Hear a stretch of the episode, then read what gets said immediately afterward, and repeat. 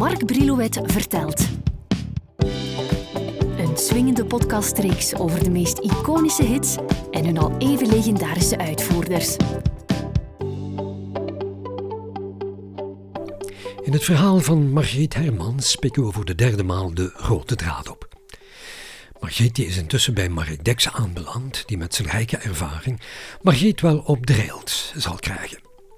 Mark die vraagt aan Marva, we zijn dan in 87 aanbeland, of ze Margriet niet wil opnemen in het Baccarat-team, maar ze ziet dat niet zitten.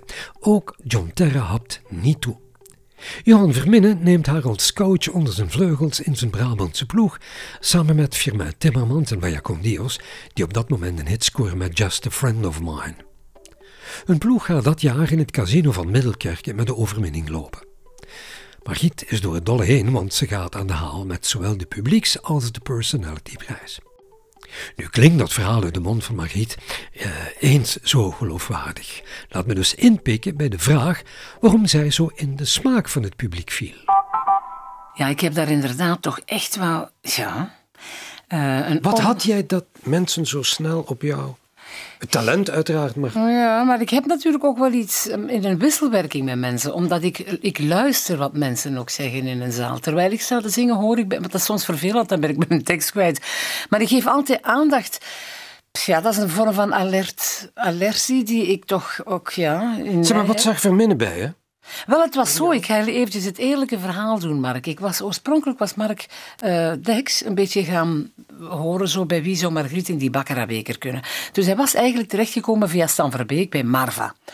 Nu kan je je voorstellen dat ik geen type ben, en daar heb ik haar ook nooit kwalijk genomen, die bij Marva past. Want Marva zei, alstublieft, geef mij geen Margriet Hermans. Hè. En achteraf beschouwd kan ik dat, dat is ook zo. We zijn twee totaal verschillende vrouwen, uh, hebben een totaal verschillend impact, maar wel misschien even groot, maar een totaal verschillend impact op, op, publiek.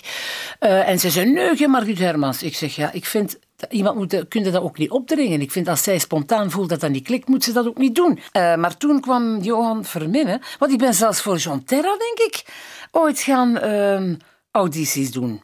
Nu herinner ik me dat. Ik ben ooit het jaar daarvoor, dus in het jaar van Gaston en Leo, ben ik audities gaan doen voor Jean Terra. En die zei wel van, ja, u kan wel zingen, maar ja, die had zo meer een sexy poppetje voor ogen, denk ik. Ja, dan kon hij dus met mij niks doen. Goed verminnen, en dan? En toen verminnen. En, en, en, Johan zei, zeg mannen, ik eis een beetje professionaliteit. Jullie hebben dat al een beetje, want we hebben niet, ik heb niet veel tijd. Die man zat ook over het werk tot en net. Uh, Vaya Condios was toen net uit met Just a Friend of Mine. En ja, nu die Danny Klein is een fantastisch mens en een super getalenteerd mens, want dat is ongelooflijk. Die gaat ook door het leven. Ja, die, die, die, die moet er ook door zo. En dan de firma Timmermans, een heel beminnelijke man. Hè? En dat klikte daar vrij goed in dat ploegje. Door wij, en met weinig te repeteren hebben wij daar toch een bijzonder goed resultaat gehaald. En ik voelde ook wel dat het liedje Een Vriend, wat uiteindelijk daar gegroeid is, en dat we dan allemaal samen zongen, want daar kreeg ik zelf kippenvel van. Dan dacht ik van verdorie, wij hebben hier op een paar weken tijd toch een vriendschapsband gesmeed om samen ervoor te gaan. En dat liedje was eigenlijk zo'n beetje wat we voelden. Ik vond het eigenlijk een heel mooi moment in mijn leven. Ik meen dat, Mark. Een Vriend is ook een fantastisch nummer. Hoe is dat ontstaan? Wel, dat was, ik had van mijn familie mijn eerste elektronisch toen op dat moment pianootje gekregen. Ik weet niet meer dat dat kwam, maar ik voelde in mij zo terug de behoefte om te beginnen componeren, omdat dat allemaal zo snel ging. Ik ga terug nog eens. Maar ik had geen fatsoenlijk piano meer. En mijn broer zei, ik zal u eens iets cadeau doen. Dat was zo'n keyboard. En, uh, en ik weet nog goed, bij hem in de, in, de garage had hij zo wat omgebouwd tot studio. Want mijn broer is een echte muziekfreak op dat gebied. En heeft ook altijd de beste installaties. heeft ook altijd de vernuftigste en nieuwste dingen. Dus op een moment zaten we in de garage en ja, dat melodietje groeide. En ik speelde dat zelf. Dan alles wel in C, in, in Do. Want ik, ik kan, dat is een eerste enige key waar dat ik gemakkelijk in kan schrijven. Nu ligt mijn stem meestal ook wel in dozen, geen probleem. Maar bij het hoger stuk hebben we dat dan toch maar een beetje laten zakken. En ik had dat zo provisorisch, met dat pianootje, opgenomen op een, op een cassetje. En ik gaf dat aan Mark. Ik zeg, Mark, luister daar eens naar. Oh, zei Mark, dat is ferm. Daar is iets mee te doen. En hij, dat Stan Verbeek. En Stan Verbeek zei, potverdorie, dat heeft potentie. Maar we moeten daar een beetje in aan werken. En ja, dan hebben we daar een arrangementje op gemaakt. En ik moet zeggen, dat is eigenlijk inderdaad een heel eenvoudig, maar toch wel een mooi liedje. Nooit meer verdwalen, nooit meer alleen.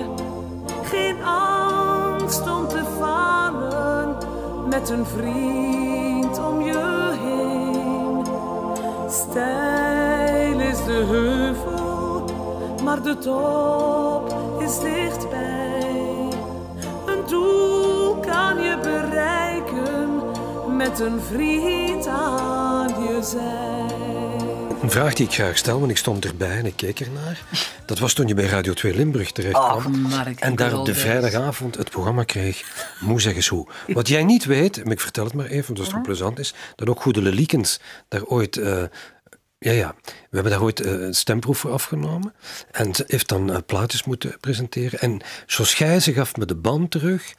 Dat is dus heel anekdotisch en daar stond op. Ze is mooi, maar dat is dan ook alles. en toen... maar uiteindelijk heb jij het gekregen. Dat was een van je aller, allereerste radioervaringen, denk ik. Hè? En dat is ook gegroeid uit die, uit die Baccarat-beker, Mark. Ik herinner me nog die befaamde avond daar. In onze euforie zag ik Jos Gijs, want die zat in de jury. En ik ging daar, of die zat niet in de jury, maar was in ieder geval als Radio 2-directeur toen van Limburg was daar aanwezig. En ja, ik ging hem nog een dag zeggen, zeg Margriet, zei hij op zijn zo befaamde toon, hè, eh, wat zou je ervan denken om op Limburg een radioprogramma te beginnen? Ik zeg, ah, wel, nu eerlijk gezegd, Mark, ik vind radio zo'n fantastisch medium. Ik ben daar eigenlijk nog altijd heel erg wild van. Eh, ik zeg, dat zou geweldig zijn. Maar ik was zo ongelukkig met die titel. Eh, maar dat was iets waar dat ze ergens in een schuif hadden gevonden, denk ik. Va, Het zeg programma, het programma voor je heette eens A. Ja, juist. En dan moest dat bij hoe. Ja, ik was verschrikkelijk ongelukkig met die titel, maar ja, dat was nu zo. Eh, ik ging daar niet over discussiëren. Ik denk, kom Margriet, doe wat ervaring op zwijg en leer het vak.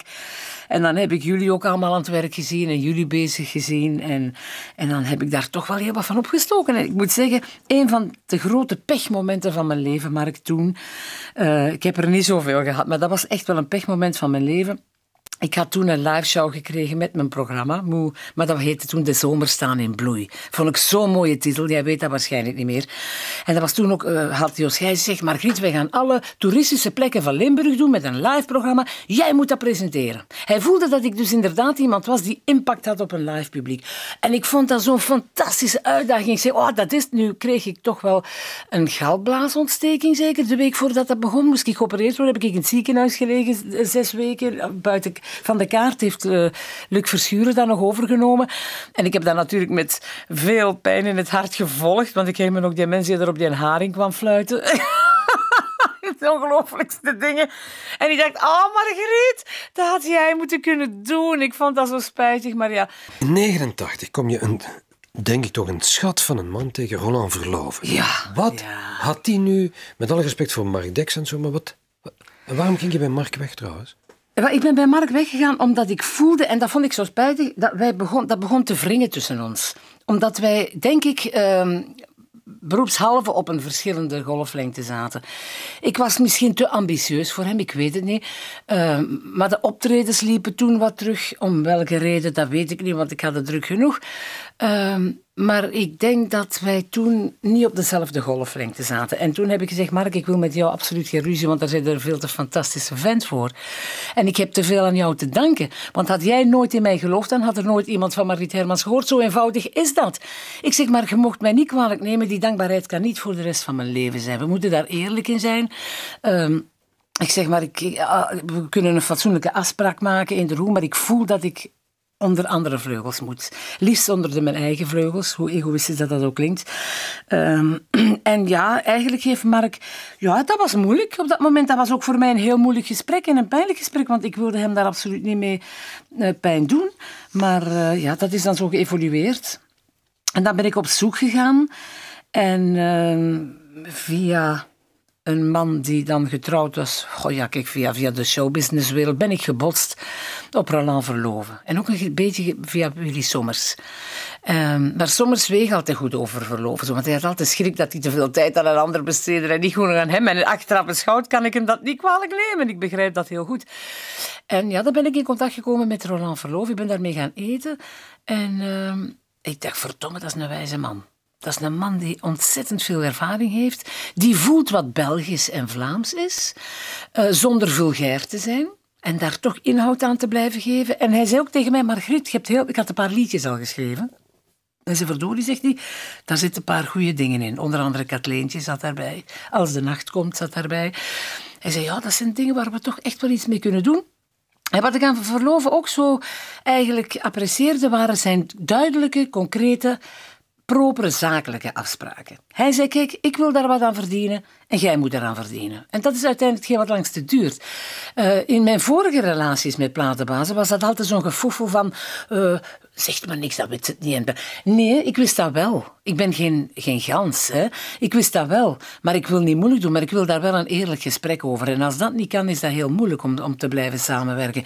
En ik moet zeggen, met Roland ben ik heel direct tot aan voor mij aanvaardbare en heel goede termen gekomen. Uiteindelijk hebben wij samen met toen Polydor toch vier cd's gemaakt. Katlijntje. Ja, oh, dat is een van de heel mooie liedjes, vind ik zelf nog, die ik geschreven heb. Uh, heel, een klein beetje autodidactisch, of tenminste autobiografisch, maar ook een klein beetje uh, gefantaseerd natuurlijk. En mij laten inspireren door bestaande figuren. Ik had dat liedje eigenlijk samengemaakt met Chris Peters, gitarist Chris Peters. Dat lag in de schuif. We hadden dat, maar we hebben er dan nog niet direct iets mee gedaan. Tot ik Roland Verloven tegenkwam en ik liet hem dat demobandje horen. En die zei, aan dat liedje mag je niet meer doen. Dat moet heel eenvoudig blijven. Klein beetje gitaar, eh, slaggitaar, jouw zang, zegt hij. De inhoud is sterk genoeg, we mogen de muziek nu laten primeren hier op de inhoud. En ja, ik vond dat mooi gezegd en ik moet zeggen, dat is eigenlijk nog altijd een van, vind ik, van de mooiste liedjes. Katleentje, Katleentje, die mooie meid. Zelfs God hierboven kan aan haar niets kwijt. Katleentje, Katleentje, oh, toppunt van vrouw. Blonde haren en in haar ogen dat vleugje blauw. Alle mooie mannen zijn zo lelijk. Ja, dat was, dat was heel raar. We waren op hetzelfde moment... Showbusiness is toch ook voor een stuk wel co coïncidence, eh, toevalligheden. We waren, kwamen de studio binnen, toen daar in de buurt van Leuven de Impuls, Studio Impuls. En uh, Stef Bos was toen ook beginnende liedjes aan het opnemen. En die had daar een, een tekst liggen. Alle mooie vrouwen zijn zo lelijk als ik jou zie. Alle mooie vrouwen. Maar hij had nog maar net die titel. Hij had niks anders. En ik zag dat. Ik zeg, hé, dat is een leuke titel. Nou, Margriet zei, we maken er wat van. En dan zijn wij samen naar Antwerpen getrokken, naar de Muze. Naar dat cafeetje waar ik nog nooit geweest was, maar hij dagelijks, want hij woonde toen in Antwerpen. En in dat cafeetje hebben wij alle mooie mannen samen geschreven. Maar de basismelodie had hij al samen geschreven met iemand, maar er was nog geen tekst op. En dat hebben we dan met z'n twee gedaan die avond, met muze dus. Hè. En zo is dat eigenlijk dankzij Stef Bos gegroeid. En Roland die had dat gehoord en die zei, dat moet je gewoon, dat moet je gewoon doen. Je kent zijn stem, hè. Maar je moet dat gewoon doen, zei En uh, ja, Roland heeft daar dan ook een pareltje van gemaakt. Met die accordeon en zo. heeft daar een heel mooi arrangement op gemaakt. Alle mooie mannen zijn zo lelijk als ik jou zie.